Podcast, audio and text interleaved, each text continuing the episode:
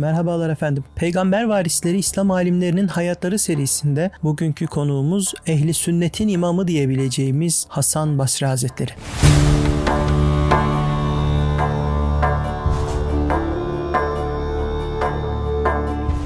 İslami ilimlerin tümünü derinden etkilemiş, bu ilimlerin kesişim noktası sayılabilecek özel bir isim Hasan Basri Hazretleri ve biz bugün kendisinden bahsedeceğiz. Hasan Basri radıyallahu an Allah Resulü'nün vefatından 11 sene kadar sonra Hicri 21 miladi 642 yılında Medine'de doğdu. Ailesi aslen Iraklı ve Irak'ın Müslümanlarca fethinden sonra Medine'ye getirilen esirlerdendi. Babası Yesar, Enes bin Malik'in, annesi Hayre de Efendimiz Aleyhisselatu Vesselam'ın eşi Ümmü Seleme validemizin azatlısı ve hizmetkarıdır. Yani her ikisi de azat edilmiş kölelerdir. Bu nedenle Hasan Basri de teknik olarak köle statüsünde doğmuştur. Ancak bizim köle denilince zihnimizde oluşan çağrışımların saadet asrındaki kölelerle pek ilgisi yoktur. O devrin köleleri hane halkından yani aileden sayılmaktadır. Hasan Basri'nin de yetiştiği ortam sahabe efendilerimizin önde gelenlerinin yuvaları olmuştur. Mesela Efendimiz Aleyhisselatu Vesselam'ın eşlerinden Ümmü Seleme validemizin Hasan Basri ile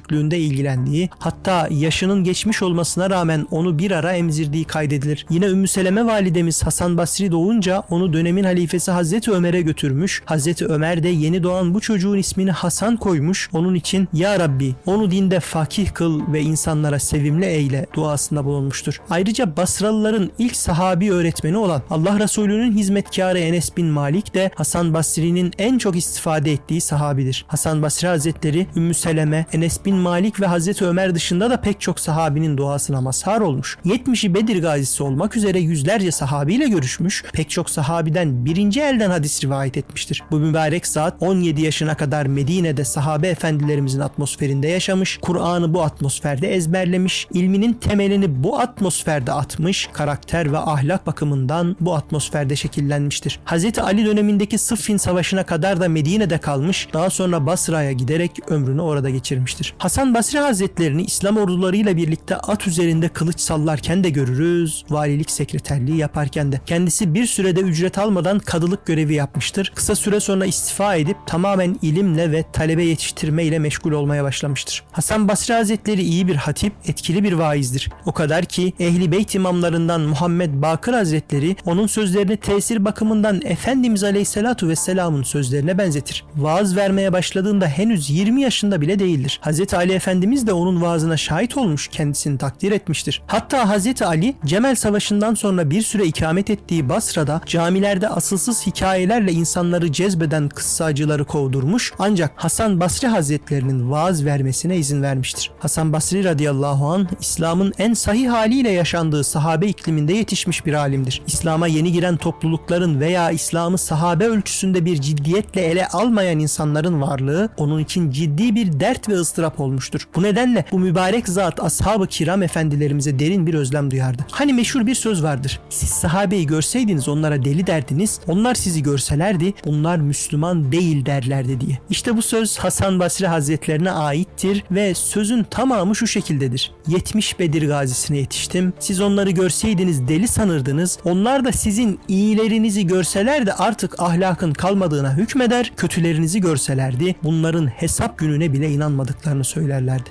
Evet sözün tamamı bu şekildedir ve dikkat ederseniz bu söz hicretten 110 sene sonra vefat eden bir zat tarafından söylenmiştir. Bu sözü bizim tabi'in neslinden daha çok üzerimize almamız gerekir. Hasan Basri Hazretleri olanca ilmine, ahlakına, imanda derinliğine rağmen akıbet endişesiyle kıvranan bir insandır. Büyüklerde büyüklüğün asıl göstergesi ilim, şöhret veya nüfus sahibi olmak değil, kul olma şuurunu canlı tutmalarıdır ki bu canlılığı da biz onlardaki akıbet endişesinden, kendini küçük görmekten, Allah korkusu ve hüzünden tanırız. Bu açıdan bakıldığında Hasan Basri Hazretlerinin iç dünyasında korku ve hüzün kavramlarının esas olduğu görülür. O Allah'tan öyle haşyet duyar, amellerinin boşa gideceğinden, öldükten sonra kötü karşılanacağından o kadar korkar ki onu anlatanlar sanki cehennem sadece kendisi için yaratılmıştı derler. Onun bu konudaki hal ve sözlerine bakılınca bu kadarı da fazla dedirtecek hallere ve sözlere rastlanır. Her büyük zatta görülen ve büyük zatları büyük yapan akıbet endişesi Hasan Basri Hazretleri Hazretlerinde de bütün kemaliyle kendini gösterir. Sahabe ikliminde başladığı hayatını istikamet içinde devam ettiren ve kendisini hakkı ve hakikati anlatmaya adayan, iç dünyasından yansıyanlara vakıf olanların şahitliğine göre zühd, hüzün ve korku eksenli yaşayan, ehli sünnet itikadının ilmi anlamda temel harcını atanlardan olan bu büyük saat, Hicri 110, miladi 728 yılının Recep ayında Basra'da vefat etmiştir. Allahu Teala'dan kıyamete kadar her gün onun halen açık olan amel defterine bize bıraktığı ilim mirasının harfleri adedince hasenat yazmasını niyaz ederiz. Hasan Basri Hazretlerinin İslami ilimlerdeki yerine geçmeden önce kendisinin döneminde yaşanan toplumsal olaylar karşısındaki duruşuna göz atmak yerinde olacaktır. Hasan Basri, Hazreti Osman'ın şehit edilmesine, Cemel ve Sıffin savaşlarına, Kerbela hadisesine, Haccac'ın ve Yezid'in zulümlerine bizzat şahit olmuştur. Onun bu olaylar karşısındaki tavrını tek bir kelimeyle özetlemek gerekirse tarafsızlık veya pasifizm değil denge kavramını kullanmamız gerekir. Çünkü Hasan Basri Hazretleri ne zalimlere en ufak bir meyilde bulunmuş ne de mazlumların silaha sarılmalarına taraftar olmuştur. Ne zulümler ve haksızlıklar karşısında suskun kalmış ne de insanları ayaklanmaya çağırmıştır. Emevi zulmüne karşı silahlı isyana kalkışanlar Hasan Basri Hazretlerini de kendi saflarına çekmek için ona ısrarlı tekliflerde bulunmuşlardır. Ancak onun bu insanlara verdiği karşılık şu olmuştur. Allah bir insanı huruçla değil tevbe değiştirir. Huruç askeri harekat, silahlı mücadele demektir ve Hasan Basri Hazretleri şiddetin, kılıcın, silahın çözüm olmadığından emindir. Ancak o hiçbir zaman Emevilerin de savunucusu olmamıştır. Hatta bazı kaynaklarda Emevilerin zulmünden Hasan Basri Hazretlerinin de hissesini aldığı, bu nedenle kendisinin iki sene kadar takibata uğradığı ve bir arkadaşının evinde firar hayatı yaşadığı anlatılır. Bazı kaynaklara göre de bu bir hapis hayatıdır. Ancak o yine de zulme karşı direnmekten geri durmamıştır. Bununla birlikte bu direnişi kitleleri yönetime karşı kışkırtarak veya eline silah alarak yapmamıştır. Onun direnişi direnişlerin belki de en akıllıcası diyebileceğimiz bir tarzda olmuştur. Yani Hasan Basri Hazretleri insanların siyasi fırtınaların da etkisiyle bozulan iman ve amellerini ıslah etmeye, talebe yetiştirmeye, Kur'an'ın nurunu ve İslam'ın hakikatini canlı tutmaya çalışmıştır. Asıl direniş ve dik duruş da bu olsa gerektir. Dışarıdan bakan birisi Emevi yöneticilerini bu kadar sert eleştiren birinin onlara karşı eline silah alıp isyan etmemesine şaşırır. Gerçekten de onun bu tavrını kendi döneminde bile anlamayanlar olmuş, onu zulümler karşısında pasif davranmakla suçlamışlardır. Ancak Hasan Basri Hazretleri silahla isyan etmeyi gerçekçi bir çözüm olarak görmez. Çünkü asıl sorun daha derindedir. Yöneticilerin zulmü bir sebep değil bir sonuçtur. Asıl sebep halkın günahlara batmış olması, kendini dünyaya salması, ahireti unutmasıdır. Bu nedenle sorunlar halifenin veya yöneticinin değişmesiyle çözülemez. Asıl değişim tövbe ile kendini değiştirmekle olmalıdır ki tarih Hasan Basri Hazretlerini haklı çıkarmıştır. Emeviler kılıçla gitmiş, yerlerine gelen Abbasiler benzer zulümleri dönem dönem devam ettirmişlerdir. Nice mazlum gruplar ellerine gücü geçirince zalim oluvermişlerdir. Demek ki tövbe olmadan ciddi bir arınma, iç dünyasına çeki düzen verme, Allah'a yönelme ve o iklimde kalmaya azmetme olmadan yapılan bütün değişimler manasızdır. Hasan Basri Hazretlerinin İslami ilimlerdeki yerini anlatırken tefsirden fıkha, hadisten kelam ve tasavvufa kadar her İslami ilim dalını içine alan geniş bir çerçeve çizmek mümkündür. Çünkü Hasan Basri bu ilimlerin hepsini derinden etkilemiştir. Ancak biz burada meseleyi sadece Kur'an ilimleri yani tefsir ve kelam üzerinden inceleyeceğiz. Kur'an tefsiri Hasan Basri Hazretlerinin en çok etkilediği alanlar arasındadır. Kendisi esasında bir tefsir yazmış değildir. O mescitte ve evindeki sohbetlerinde Kur'an ayetlerini okur ve tefsir ederdi. Talebeleri de onun Kur'an yorumlarını sonraki nesillere aktarmışlardır. Böylece Taberi'den İbn Kesir'e, Maturi'den Zemahşeri'ye kadar sonradan yazılan neredeyse bütün tefsir kitaplarında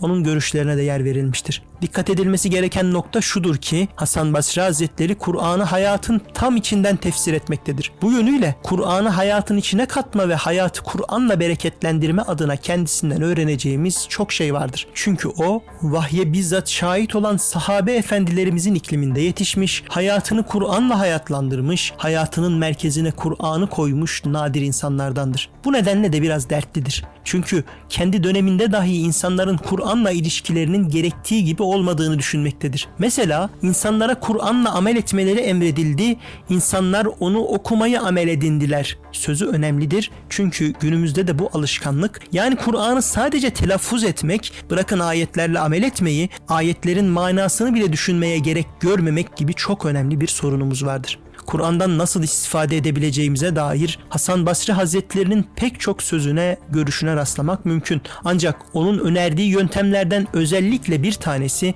bizim için hayati derecede önemlidir. Bu yöntem kendini Kur'an'a arz etme yöntemidir. Bununla ilgili Hasan Basri Hazretleri kim ne olduğunu bilmek isterse amelini Kur'an'a arz etsin der. Bir başka yerde de Allah nefsini Allah'ın kitabına arz eden kuluna rahmet etsin buyurur. Bizler yani az çok Kur'an okuyanlar herhangi bir konuda Kur'an'ın ne dediğini merak edip ilgili ayetleri araştırmaya alışmışızdır. Ancak kendimizi tanımak adına kendimizin ne olduğunu bilip anlama, içinde olduğumuz durumu fark etme, Allahu Teala'nın bize o anda hangi gözle baktığını bir parça da olsa anlayabilme, gerçek kıymetimizin ne olduğunu öğrenebilme adına kendimizi Kur'an'a arz etme pek alışık olduğumuz bir uygulama değildir. Ancak anlıyoruz ki sahabe Kur'an'ı asıl bu gözle okumuştur.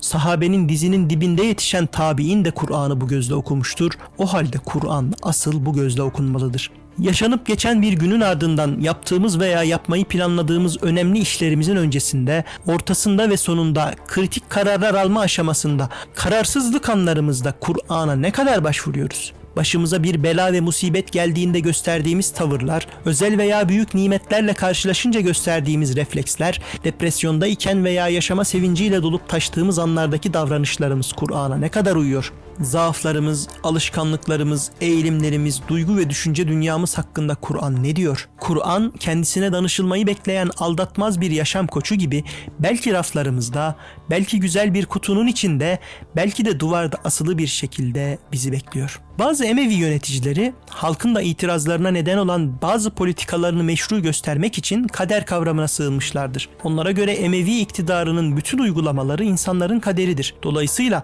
yöneticileri suçlamak yanlıştır. Bu durum cebriye dediğimiz bir kader anlayışıdır ve resmi politika veya resmi ideoloji haline getirilmiş gibidir. Buna göre kader karşı konulamaz ilahi takdirdir. Bir yöneticinin başa gelmesi, devlet adamlarının uygulamaları ve benzeri her şey ilahi takdirle olmaktadır. Bu durumda Hz. Hüseyin'in şehit edilmesi de, Haccac'ın Kabe'ye mancınıkla saldırması da, o dönemde halen yaşayan bazı sahabilere zulmedilmesi de kaderdir ve bunlara karşı çıkılmamalıdır. Bu anlayışın çarpıklığı ortadadır. Bugün bunu tartışmaya bile gerek yoktur. Ancak bu anlayışın tartışmaya bile gerek olmayacak kadar çarpık bir anlayış olduğunu bilmemiz Hasan Basri gibi alimler sayesinde olmuştur. Hasan Basri Hazretleri bu kader anlayışını açık bir dille eleştirmiş. Bu iddianın sahipleri için de Allah'ın düşmanları yalan söylüyorlar sözlerini sarf etmiştir. Onun bu eleştirileri dönemin Emevi Sultanı Abdülmelik bin Mervan'ın kulağına gider ve Abdülmelik Hasan Basri Hazretlerine kader konusundaki görüşlerini açıklamasını ister. Hasan Basri de Abdülmelik'e halen elimizde bulunan uzunca bir mektup yazar. Bu mektup bugün Kader Risalesi adıyla yayımlanmıştır. Bu mektupla Hasan Basri Hazretleri Ehl-i Sünnet ekolünün bugünkü genel kader anlayışını da oluşturan görüşlerini uzun uzun izah eder. Konuyla ilgili ayetleri yine başka ayetlerle açıklar. Sonuçta Ehl-i Sünnet'in kader anlayışı Hasan Basri